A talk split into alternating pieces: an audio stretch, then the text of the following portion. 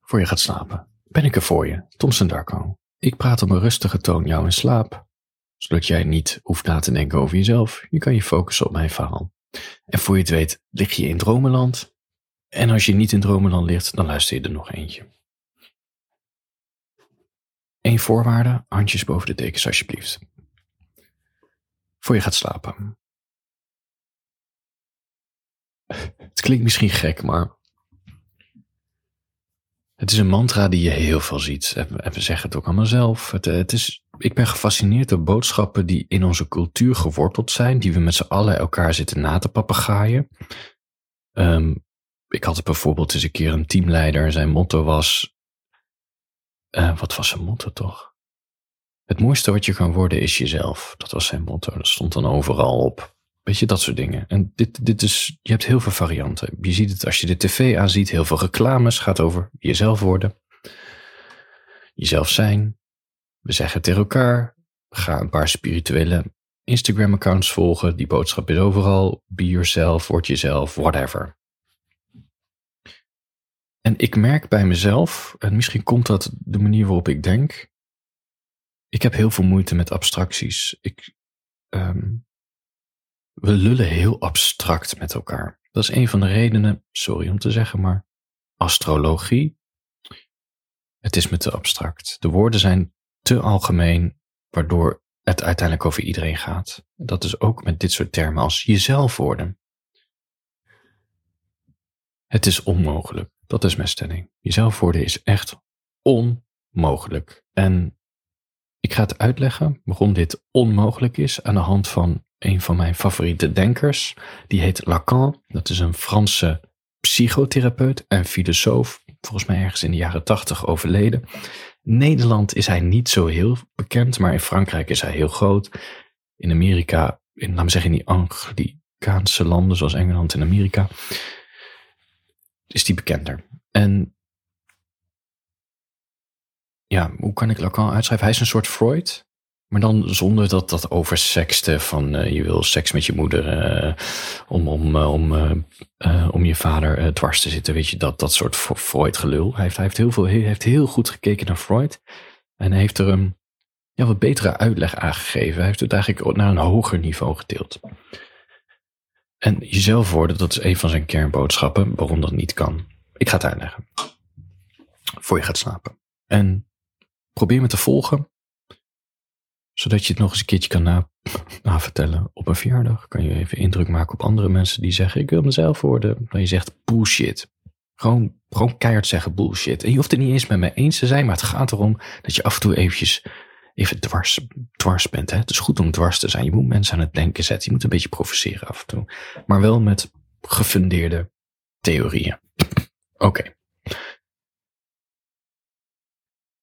Het idee van wie jij bent dat is een mix van je uh, opvoeding, uh, de samenleving waarin je bent opgegroeid, de cultuur, laten we zeggen, tv-programma's die je hebt gekeken, de leraren, de, de buurt, misschien ook wel hoe je, hoe je behandeld bent door je exen, je vriendschappen, gewoon je volledige identiteit, je vo ik herhaal het nog maar een keer, je volledige identiteit is opgebouwd uit je omgeving en komt niet vanuit jezelf. Al dus naar kan. Als je nu denkt, oh ja, en mijn koppigheid dan, is dat niet gewoon een karaktertrek? Zit er niet in mijn DNA? Nou ja, de term koppig, of bijvoorbeeld dat je heel lief bent, dat zijn geen woorden die jij hebt verzonnen. Die woorden bestaan al en die zweven rond en we hebben er allemaal een apart gevoel bij. Uh, we snappen ongeveer met z'n allen wat koppig is en wat lief zijn is, maar we denken er toch op onze eigen manier aan. Maar het zijn woorden die die wij hebben geleerd hoe we iets moeten omschrijven. Dus bepaalde gedragingen passen wij de term koppig toe. Maar je hebt natuurlijk heel veel gradaties koppig, dus snap je? Koppig dekt niet helemaal de lading wie je bent. Het is een label. Ik ga terug naar het begin, want ik merk we gaan gelijk de diepte in, dat is niet goed. We worden prematuur geboren als mens. Dat betekent we zijn niet af als we geboren worden. Dat komt mede door onze grote hoofden. Um, maar ook gewoon, je ziet het ook bij de apen. Vaak kunnen dieren, dat zie je toch wel eens, hè? dan wordt zo'n hert geboren en, binnen vijf minuten loopt hij al rond te paraderen. En heel veel dieren kunnen binnen een paar maanden al zelfstandig leven. De mens kan dat niet. De mens kan helemaal niets bij de geboorte. Helemaal niets. We zijn volledig afhankelijk van onze verzorgers. Hoe kom je er dan achter wie je bent en wat je moet doen in het leven? Hoe kom je erachter als je volledig overgeleverd bent aan je omgeving? Als niets vanuit jezelf komt, geen instinct hoe je moet overleven? Dat is door te kijken. Je ziet dat mensen om je heen lopen met hun benen en dat ze praten met een mond. Maar als je naar jezelf kijkt als baby, dan zie je ook dat je benen hebt. En als je in de spiegel kijkt, zie je ook dat, een mond, dat je een mond hebt. Nee, je kan niet wat anderen doen. Jij kan niet lopen en niet praten. Je lijf komt daardoor niet overeen met hoe je de wereld beleeft. Dit is de spiegeltheorie van Lacan. Volgens Lacan is dit een van de redenen dat wij een hele bijzondere relatie hebben met ons lijf. Die loopt niet helemaal synchroon met hoe we het in ons hoofd beleven en dat begint hier al. Je komt er gewoon als baby achter, als kind, dat je incompleet bent. Je bent gewoon niet compleet. En Lacan heeft het voorbeeld van een baby kijkt in de spiegel en ziet dat het niet overeenkomt met de wereld en ziet zichzelf, maar weet eigenlijk niet zo goed. Kijk, het idee is de baby ziet zichzelf en die denkt, ja, wie ben ik? Wie ben ik? Wie kijkt er terug? Mensen zeggen dat ik een jongen ben. Oké, dan ben ik blijkbaar dus een jongen. Mensen zeggen dat ik driftig ben, dan ben ik blijkbaar driftig. Weet je, dat, dat is het idee in de spiegel. Hij heeft het voorbeeld van de spiegel, maar je kan het ook toepassen op je kijkt naar hoe je ouders zich gedragen, hoe ze je benoemen, de tv-programma's, de mensen uit je buurt, je speelgoed, je spiegelt je aan alles. Je probeert alles over te nemen. Je probeert een taal eigen te maken. Je probeert een zelfbeeld te creëren. Wie je bent, hoe je moet gedragen, wat wel gepast is, wat niet gepast is. Blijkbaar is het niet gepast om naakt. Je mag wel naakt in je eigen huis rondlopen, maar niet naakt op straat. Weet je, dat soort dingen. Je leert het, je ziet het, je observeert. Het belangrijkste punt is dat alles wat je leert van buitenaf komt en je neemt het over.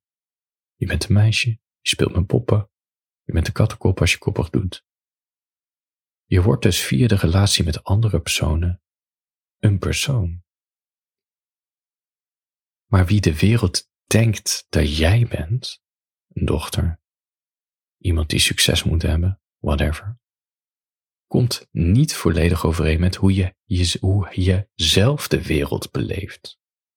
En dat zorgt dus voor een versplinterd zelfbeeld.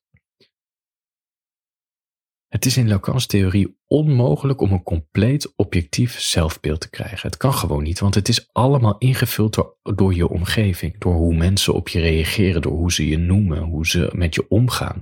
Dat zelfbeeld is niet compleet. Het heeft, bestaat uit heel veel fragmenten. Ze komen ook niet allemaal overeen.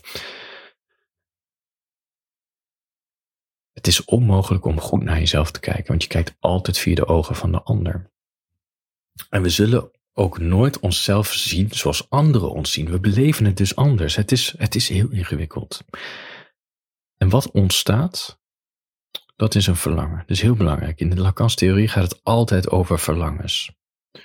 Dus je groeit op en je krijgt een verlangen om te zijn zoals die mooie buurvrouw aan de overkant. Of om net zo succesvol te zijn als Lady Gaga. Of in dezelfde auto te rijden als die BN'er in die reclame. Je hebt dus allemaal verlangens. Verlangens om je ouders te pleasen, om hoge cijfers te halen. En nu komt het ingewikkelde punt. Al die verlangens die jij nu hebt, dus al je dromen, al je ambities, al je fantasieën, al je wensen, al je zondes. Ze zijn via de wereld om je heen in je hoofd genesteld. Je hebt ze allemaal overgenomen. Elke droom die je hebt, het, zit, het komt allemaal van buitenaf. Iets kleeft, de ander niet, maar het komt van buitenaf. En het bitterste voorbeeld is denk ik wel anorexia. Anorexia dat is natuurlijk een eetstoornis. We kennen heel veel eetstoornissen. Het is een verschijnsel van deze moderne samenleving, deze eetstoornissen. Uh, die mede, het is een heel ingewikkeld iets, maar die zijn mede ontstaan door een dominante beeldcultuur van slanke, fitte, gezonde mensen. Dat beeld internaliseren wij van zo moet ik blijkbaar zijn. Ik heb het gevoel dat ik geen controle heb. Misschien kan ik wel controle hebben over mijn lichaam. En we zijn dwangmatig bezig om slank te worden of slank te blijven. En hier zie je dus heel duidelijk dat dat zelfbeeld van um, niet overeenkomt met hoe je echt bent. Iemand met anorexia is nooit slank genoeg, terwijl de rest van de wereld duidelijk ziet dat hij heel slank is. Snap je? Zelfbeeld komt van buiten. Het voelt nooit compleet aan en je gaat je dwangmatig gedragen. En nu komen we bij de kern. Als je volledige identiteit via de wereld om je heen is ontstaan, bestaat er dan wel een echte jij? Bestaat die? Ja, en hier is Lacan echt heel stellig en heel hard in. En het spijt me om te zeggen, maar er is geen ware zelf. Het bestaat niet. De illusie van het zelf is het enige wat we hebben. En dit fascineert mij heel erg. En jou misschien nu ook. Hoe kan het dan dat we als samenleving elkaar zo zitten na te papegaaien en zo geobsedeerd zijn met jezelf worden? Het staat overal. Zelfs bij therapie krijg je moet jezelf worden. Niet leven naar de verlangens van anderen. Je moet jezelf worden. Wat wil je zelf? Ja, wat wil je zelf? Weet je het wel wat je zelf wil? Nou ja, nee. En toch willen we allemaal onszelf worden. Volgens Lacan is het een hele menselijke behoefte. En want, en ik ben ervan overtuigd dat jij dit ook voelt, dit is de beperking van taal. Ja, het klinkt misschien saai, maar taal. En we zitten nu heel erg in een taaldiscussie. Zie bijvoorbeeld de vraag of er alleen jongens en meisjes bestaan. Dat is een hele ingewikkelde vraag. Blijkbaar. Het antwoord is nee, er bestaan niet alleen jongens en meisjes. Dus we zoeken naar nieuwe woorden die beter de lading dekken hoe mensen zich voelen over gender. Dat is een heel erg voorbeeld van hoe taal beperkt en hoe ook taal bevrijdt door nieuwe woorden te verzinnen waar sommige mensen zich fijner bij voelen. Hetzelfde met stoornissen. We krijgen een label. We, we, voelen ons gewoon niet alleen met gender, maar heel veel. We voelen ons gevangen in de wereld van labels, verwachtingen, wensen en verlangens. Maar we hebben het gevoel dat er veel meer is dan dat woord, dan dat label. Dat er dus eigenlijk achter de wereld die we zien een pure wereld zit. Zeg maar het gevoel dat je krijgt bij een zonsondergang. Of staren naar de volle maan. Dan voel je heel veel dingen die niet echt heel logisch voelen. Het voelt heel, je voelt je heel nietig en tegelijkertijd voelt het heel bevrijdend. Of als je ongelimiteerde lekkere seks hebt met iemand. Hè? Gewoon de seks waar je jezelf helemaal vergeet en waar je niet meer denkt aan je buikje. Of aan of dat standje niet heel onge... Nou ja, je snapt me. Dat, dat, dat, dat, die ervaring gaat voorbij taal. En hierdoor ontstaat dus ook het idee, door deze beleving van de wereld waar we heel moeilijk woorden voor hebben, dat er ook een pure versie van jou is die je nog moet ontdekken. Die dus in dat mystieke zit van de volle maan en van die heerlijk gepassioneerde seks waar je jezelf en je buikje vergeet. Lacan is hier ook heel stellig in en die zegt, spijt me om te zeggen, maar het is onmogelijk om die pure wereld, die absoluut bestaat, daar is hij het ook heel erg mee eens, um, om die volledig te ervaren of te omschrijven. Want wat is het probleem? We zullen altijd terug moeten grijpen naar de woorden die we kennen. En deze woorden zijn ons van buitenaf opgelegd. Deze woorden bestonden al voordat wij bestonden. Het zit in onze cultuur vast. Het is niet, nou ja. Taal beperkt ons denken. Snap je? Taal geeft altijd een gekleurd beeld in plaats van de absolute waarheid. Dat is waar we gewoon in vastzitten. Dat is ook hoe het onderbewustzijn met ons communiceert via taal. Een Freudiaanse verspreking, dat is het onderbewustzijn aan het woord. Via taal. Snap je? Heel erg Lacan dit. Ik ga hier niet verder op in, maar dit is wel een belangrijk deel van zijn filosofie. En trouwens, hij is niet de enige. Wittgenstein, bekende taalfilosoof, hele ingewikkelde traktaten heeft hij geschreven, maar fascinerende um, conclusies. Die kwam ook tot de conclusie dat taal beperkt. Daar komt zijn bekendste uh, quote vandaan. En waarover je niet kan spreken, moet je beter zwijgen. En hij heeft het onder andere over bijvoorbeeld als je God wil omschrijven. Ja, elke keer als je God wil omschrijven, gebruik je een taal en dan kleur je het al in. En taal is te beperkt om zoiets groots, zoiets magisch, zoiets mythisch als God te omschrijven. Dus Wittgenstein is eigenlijk ook heel erg tegen religieuze uitingen via taal. Hij zegt juist religie is, zit in het mystieke, waar je geen woorden voor hebt, maar het is een gevoel. En hoe meer woorden je eraan geeft, hoe meer je het gaat inkleuren voor anderen, hoe minder dicht je bij een God komt. Daar ben ik het helemaal mee eens, maar ik ben ook een mysticus. Even terug naar het idee van de ware zelf. We zullen het dus nooit kunnen ontdekken. In dat opzicht blijven wij, wie we zijn, voor altijd een mysterie, voor onszelf, maar ook voor de ander. Die, die, die, want die plakt ook allemaal verwachtingen op ons en denkbeelden. En, snap je? We leven met z'n allen in, in, in identiteiten die allemaal illusies zijn. En dat is, ja, ik vind dat eigenlijk heel mooi. Ik vind het heel prachtig. Ik vind het helemaal niet deprimerend. Ik vind het deprimerend als je zegt je moet jezelf worden. denk ik, nou ja, dat kan, je kan jezelf niet beperken met jezelf worden. Je bent juist heel veel versies. En je kan het continu veranderen. Als je vandaag besluit om, um, weet ik veel, kinderbegeleider te worden, dan zul je. Nou, dat klinkt wel heel zwaar. Stel nou,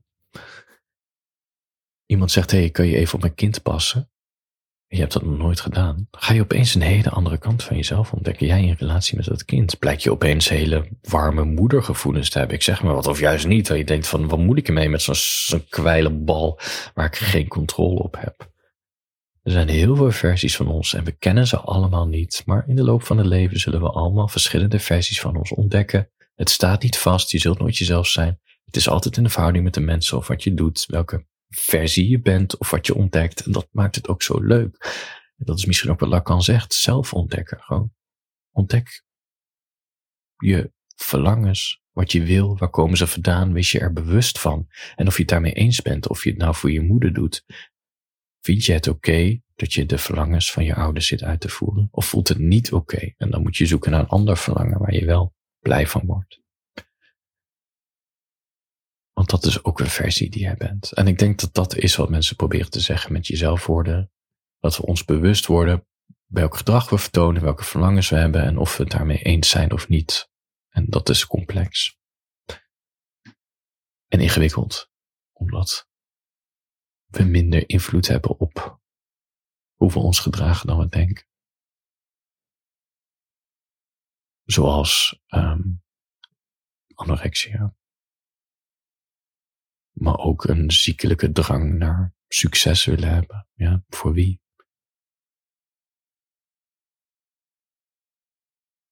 Het zijn allemaal opgelegde boodschappen. Ja. Nou, daar kan ik een hele avond met je over filosoferen. Over dit. Ja, ik ben enorm gefascineerd in Lacan. Hij heeft, hij heeft heel veel colleges gegeven en heel veel mensen hebben aantekeningen gemaakt. En daar zijn dan weer allemaal denkers die, die proberen zijn theorie uit te leggen. Um, in Nederlands is eigenlijk niks vertaald van Lacan of mensen die over Lacan hebben geschreven. Hij wordt wel heel af en toe geciteerd. Ik ga nog wel wat vaker over hem hebben. En zal ook op een moment wat boeken uh, aanbevelen die je kan lezen, die het begrijpelijk maken. Ja, ik vind het echt heel fascinerend, die Lacan. Het is een theorie, maar het is een fijne lens om naar de wereld te kijken. Een fijne verrekijker, snap je? Het helpt mij. Omdat ik dus moeilijk tegen abstracties kan als jezelf worden. Of authentiek zijn. Ook zoiets. het is me te vaag. Ja. Maar goed, wat ik zei, ik ben ook een mysticus. Ik, ik hou van het, het, het, het, het, het, het, het, het mythische, mysterieuze ook van religie. En van een ervaring als een God en de ervaring van de vergankelijkheid. En ja, kan zit meer in die mystische, mystieke hoek, denk ik. Alhoewel, het zijn rationele argumenten. Ik, de conclusie geeft mij mystieke gevoelens. Lekker. Daar hou ik wel van. Ik ben een mysterie, jij bent een mysterie. We zijn allemaal mysterieën. Hoe leuk is dat? Ik denk dat ik dit niet moet terugluisteren, anders cringe ik helemaal in één van mezelf. Wat ook heel bijzonder is. Dat klopt mijn zelfbeeld dus niet met hoe ik me hoor. Ook heel erg Lacan. We hebben allemaal een zelfbeeld. En op het moment dat het niet overeenkomt met je verwachting, ga je schamen. Dan komt je ego in het verweer. Dus als je altijd netjes moet zijn, en je komt erachter dat je panty gescheurd is, ik zeg maar wat. En dat je, of, of dat je, dat je gulp de hele tijd open stond, terwijl allemaal mensen het zagen. Dat, dat, dat is je ego wat je voelt. Dus je ego is een soort opgeblazen zelfbeeld om jezelf een gevoel te geven dat je compleet en perfect bent. Maar dat is die nooit.